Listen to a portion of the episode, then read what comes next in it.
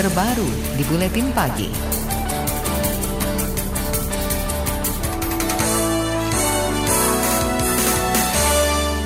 Kementerian Keuangan bakal mengevaluasi program dana desa. Rencana evaluasi muncul setelah ada temuan desa fiktif memperoleh anggaran dana desa. Sri Mulyani menyebut desa fiktif itu sebagai desa hantu karena tidak berpenduduk, tetapi sengaja didaftarkan demi memperoleh kucuran dana desa yang besarannya hampir 1 miliar rupiah. Sri mengaku mendapat laporan tersebut setelah pembentukan Kabinet Indonesia Maju. Kemarin kami pernah ada mendengar dari salah satu pihak yang menyampaikan ada dana desa untuk desa yang ternyata baru saja dibuat. Jadi kita akan lihat karena berdasarkan mekanisme seperti yang dikatakan tadi, sebetulnya ada mekanisme untuk pembentukan desa, identifikasi siapa, pengurusnya dan lain-lain. Kita akan lihat seluruh prosedurnya supaya jangan sampai ada statement-statement seperti itu yang kemudian menimbulkan persoalan jumlah desanya berapa, lokasinya di mana dan bagaimana transfernya. Menteri Keuangan Sri Mulyani bakal segera berkoordinasi dengan Menteri Dalam Negeri Tito Karnavian untuk menelusuri temuan ini. Anggaran dana desa selalu naik sejak diluncurkan lima tahun lalu. Tahun ini, Kementerian Keuangan mengalokasikan dana 70 triliun rupiah untuk 74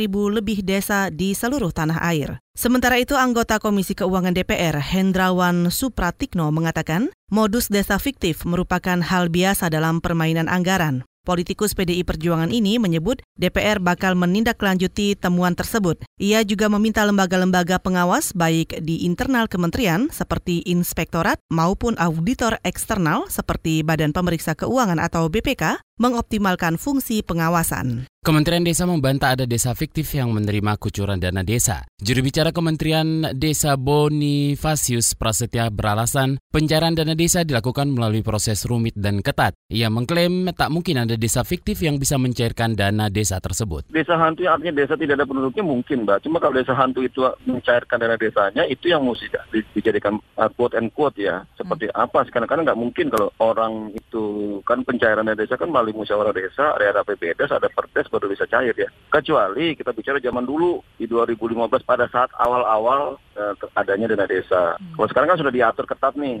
cara pemanfaatan ya, penggunaan dana desanya, cara pencairannya yang tiga tahap itu. Uh, jadi nggak bisa tuh kalau nggak ada RPP nggak ada perpres nggak akan mungkin cair juga. Juru bicara Kementerian Desa Bonifasius Prasetya menyebut Badan Pusat Statistik BPS memang pernah mengungkap temuan desa fiktif. Saat melakukan sensus tentang potensi desa, BPS menemukan sejumlah desa yang terdaftar namanya, tapi tidak ada penduduknya. Menurutnya mayoritas desa itu berada di wilayah terpencil seperti Papua. Pernyataan berbeda dilontarkan Kepala Satgas Dana Desa Bibit Samad Rianto. Bibit membenarkan adanya temuan desa fiktif yang menerima dana desa. Namun, bekas pimpinan KPK ini enggan membeberkan rincian temuan hasil penelusuran Satgas. Menurutnya, kasus ini telah ditangani kepolisian. Ia mengutip pemberitaan media mengenai dugaan desa fiktif di Kabupaten Konawe, Sulawesi Tenggara. Kepolisian setempat menemukan 56 desa fiktif yang mendapat dana desa. Ya, ya kemarin itu ada ada di, di, di media, kemudian kita cek di sana ternyata benar ya udah ditangani Polda. Silakan tanya pada Polda, tentunya ada di Polda. Itu tadi Kepala Satgas Dana Desa Bibit Samad Rianto. Sementara itu, Komisi Pemberantasan Korupsi atau KPK menyebut telah menurunkan tim untuk mengusut temuan desa fiktif di Sulawesi Tenggara. Wakil Ketua KPK Laude M. Syarif melalui pesan singkat mengatakan KPK bekerja sama dengan aparat setempat memproses temuan tersebut.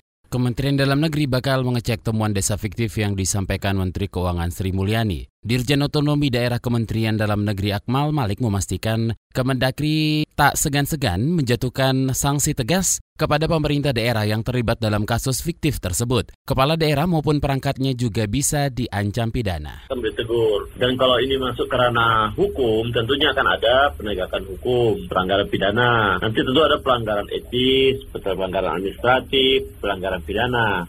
Nah tentunya masing-masing memiliki uh, apa otoritas masing-masing untuk memberikan sanksi. Dirjen Otonomi Daerah Kemendagri Akmal Malik menambahkan jika temuan itu terbukti, maka temuan desa fiktif merupakan praktik buruk penyelenggaraan pemerintahan. Akmal menyebut hal itu harus menjadi bahan introspeksi pemerintah termasuk Kemendagri. Pemerintah didesak segera mengusut tuntas temuan desa fiktif yang merupakan bentuk penyalahgunaan dana desa. Wakil Koordinator Lembaga Pemantau Korupsi Indonesia atau ICW, Agus Sunaryanto mengatakan, modus manipulasi data desa ini tergolong baru. Menurut catatan ICW, korupsi dana desa mayoritas dilakukan perangkat daerah atau desa dengan menggelembungkan dana dan menggelapkan uang. Agus meminta pemerintah serius mengusut temuan ini karena berpotensi merugikan negara dalam jumlah besar. Ada investigasi serius, artinya kan ini apa yang diungkapkan oleh Ibu Sri Mulyani sebagai Menteri Keuangan karena dia kan bertanggung jawab langsung soal distribusi keuangan gitu ya. Jadi kalaupun dia